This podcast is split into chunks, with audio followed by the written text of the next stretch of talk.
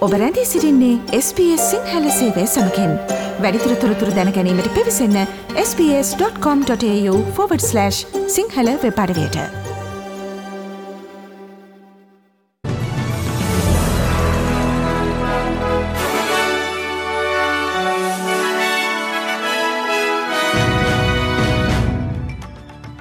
ප්‍රථමයෙන් සිරස්තල නේටු සමුළුව සඳහා ඔස්ට්‍රලනු අගමැතිවරයා ස්පාන්යයට පිටත්වෙයි. පසුගේ දසිදු භූමිකම්පාවෙන් පසු ඇෆ්ගනිස්ථානයට ඔස්ට්‍රලනු මධ්‍යමරජයෙන් අතිරේක ඩොල මිලියනයක හදිස්සි සහනාධාරයක්. වික්ටෝරයනු ප්‍රාන්තරජයේ පුරප්පාඩු ඇමතිදුරවල නව ඇමතිවරු අද දිවුරුම් දෙතිේ. යුක්‍රේනයට සහය දැක්වීම පිළිබඳ ස්තිර තීරණයක සිටින ලෙස බ්‍රතාාන අග්‍රාමාත්‍යවරයා ලෝක නායකින්ගෙන් නිල්ලායි. ශ්‍රී ලංකා ඔස්ට්‍රේලයා ටෙස් තරකාවලිය සඳහා වන ශ්‍රී ලංකා සංචිතය නම් කෙරේ.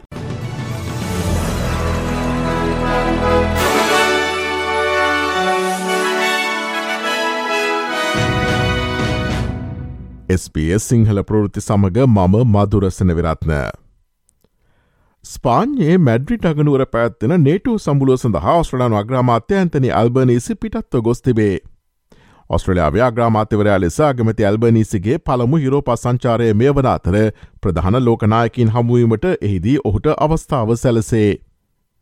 මෙම සංචාරය අතරතුරේ දියෝස්ට්‍රලන් අග්‍රාමාත්‍යවරයා බ්‍රතා නැගමති බොරිස් ජොන්සන් සහ අමරිකානු ජනාධිපති ජෝ බයිඩන් වැනි නායකින් සමඟ දීපාර්ශික සාකච්ඡාද පවත්වනු ඇත. මෙවර නේටෝ සමුළුව ගෝලී රාජ්‍යතාන්ත්‍රිකත්වය සඳහා තීරණාත්මක අවස්ථාවක් බව ඔස්ට්‍රලන් වග්‍රාමාත්‍ය ඇන්තනි අල්බනිසි පැවසුවේය. The people of Ukraine are doing the democratic world an enormous service. Uh, but it's important that democratic nations stand with Ukraine. And that's the context of this NATO summit. It's also the case that Russia and China, their arrangements and closeness that has occurred in recent times, means that it's also very important for our region. ඔස්ට්‍රේලයානු මධ්‍යම බැංකුවේ මෙහෙවුම් පිළිබඳ සැලසුම් සහගත සමාලෝචනයක් සිදු කිරීම එහි අධිපතිය Philip ලෝහට පහරදීමක් නොවන බව ඔස්ට්‍රලයානු මධ්‍යමරාජය පවසයි. කොවිඩ් වසංගතයට පෙර සහ පසු මුදල් ප්‍රතිපත්ති හැසිරවීම සම්බන්ධයෙන් ඔස්ට්‍රලයානු මධ්‍යම බැංකුවේ අධිපති ෆිලිප් ලෝ සහ ඔස්ට්‍රලයානු මධ්‍යම බැංකුව ආර්ථික විද්‍යාඥින් සහ පුළුල් ප්‍රජා විසින් විවේචනයට ලක් කරතිබේ. ඔස්ට්‍රලයාාවේ උද්ධමනය දැන් අපේක්ෂිත සීමාව ඉක්මවා ගොස් ඇති අතර තවදුරටත් ඉහල යන බවට ඉඟි පල කර ඇත. ඔස්ට්‍රලයනු වෘතිය සමති සම්මලනය ලේකම් සැලි මැක්මනස් පසුගේ සතියේ ආචාර ෆිලිප් ලෝ හට වැටුක් පිළිබඳ හුගේ අදහස් සම්බන්ධයෙන් පහරදුන්නේය. පැටුප සැකසීමේ ක්‍රියාවලීට සම්බන්ධ කිසිවෙකු අධ්‍යක්ෂ මණ්ඩලේ නොසිටි බව ඇය සඳහන් කළ අතර වෘතිය සමිති නායකයෙකු නැවත RBA ෆෝල් වෙත යොමු කළ යුතු බවද ඇඟහූවාය.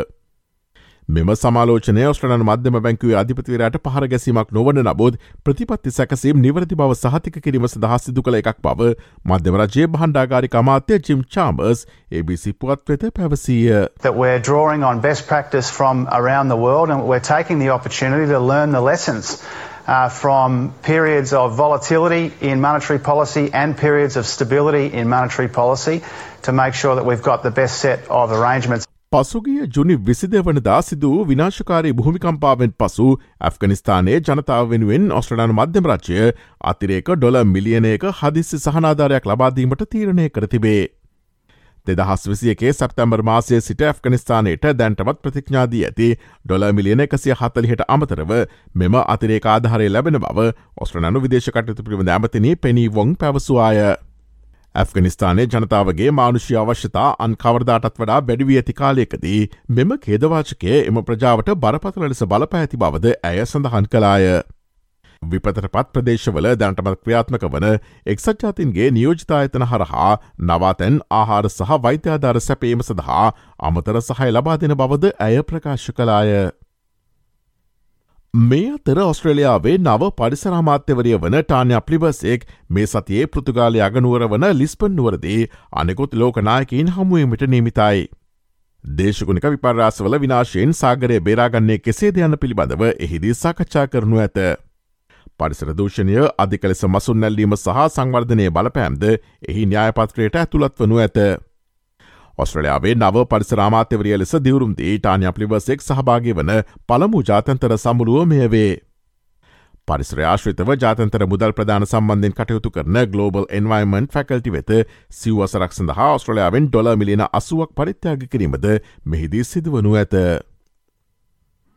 වික්ටෝරයානු ප්‍රාන්තරජයේ නව ඇමතිවරු කිහිප දෙනෙකු අද දිවුරුම් දෙතේ. ප්‍රාන්තරජයේ නියෝජාගමැති ජේම්ස් මර්ලිනෝ සෞඛ්‍යමාත්‍ය මාටින් ෆෝලි රැකයා කටයුතු පිළිබඳ අමාත්‍ය මාටින් පැකිවුලා සහ පොලිස් කටයුතු පිළිබඳ ඇමතිනේ ලිසන්ඩවිල් තම දුරවලින් ඉල්ලාස්සන බවට පසුගේ සතියේ ප්‍රකාශ කළහ. ඒ අනුව එම තනතුරු සඳහා පත් කරන පුද්ගලන් පිළිබඳ වික්ටෝරන් ප්‍රාන්තාගමැති ඩැනිල් ඇන්රෝස් පසුගේ සතියන්තයේදී අනාවරණය කළේය.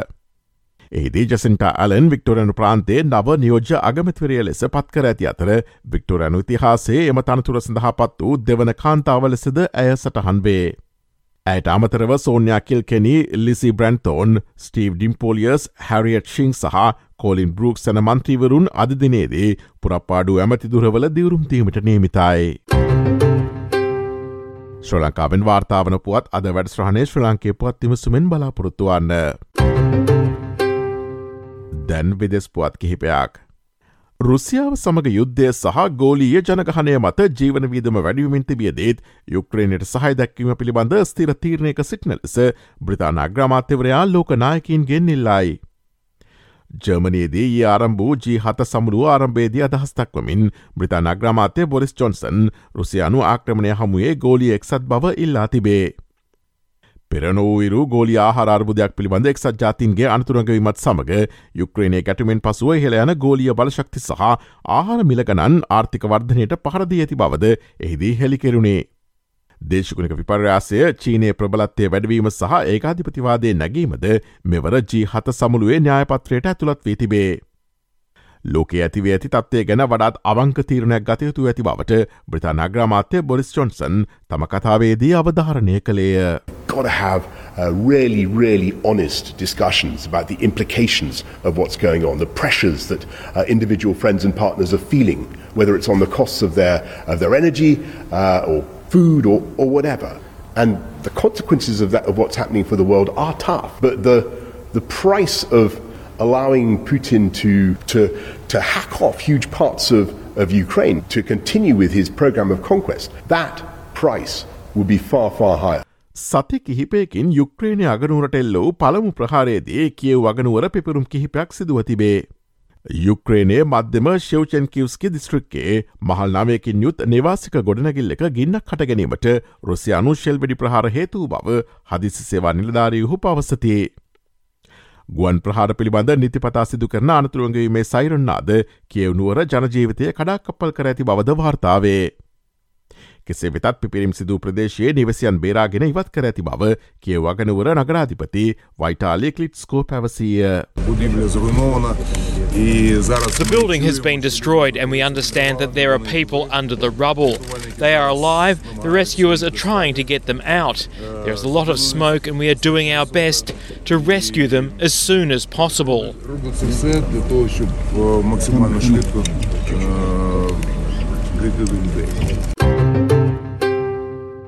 දැන් ක්‍රීඩා පුවතාක්.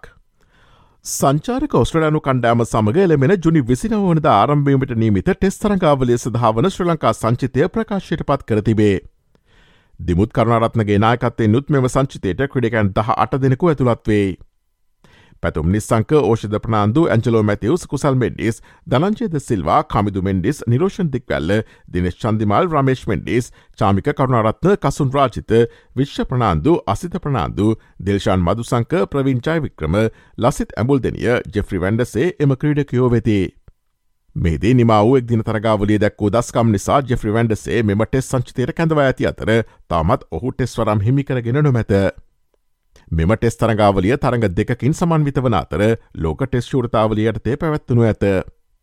එම තරග දෙකම ගල්ල ජාතන්තර ක්‍රිකට් ක්‍රනාංගනේදී පැවැත්වීමට කටයුතු දා තිබේ. මේ අතර ශ්‍ර ලංකාව සහ ඔස්ට්‍රලයාාව අතර ආර් ප්‍රේමදස ක්‍රඩාංගනය සහ පල්ලෙ කළේ ජාතන්ත්‍ර ක්‍රඩාංගනයේද පැවති විස්සයි විස්ස තරඟ තුනෙන් සහ දිවරාත්‍රී එක්දින තරඟ පහෙන් ලැබී ඇති ප්‍රවේශ්පත්‍ර ආදායම පමණක් රුපියල් මිලියන එකසේ හැටක් පමණ වන බව ශ්‍ර ලංකා ක්‍රිකට් ආයතනය පවසයි.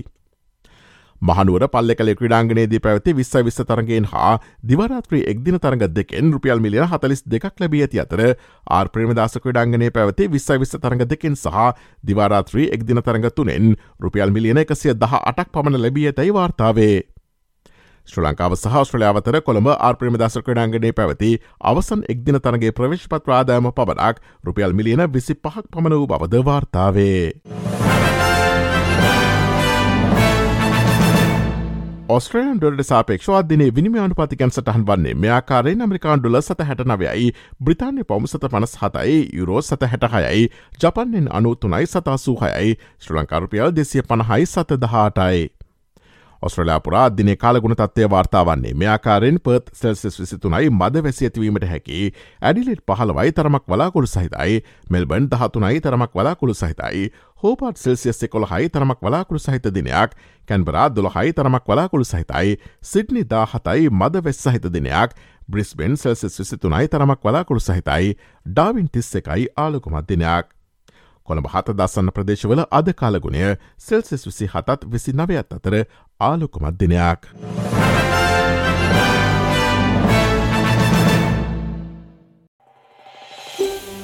මේ වගේ තවත්තොරතුරු දැනගන්න කැමතිද. එහමනම් Apple podcast Google podcast Spotify ඔබගේ පොඩ්කාස්ට ලබාගන්න ඕනේම මාතයකින් අපට සවන්දය හැකේ.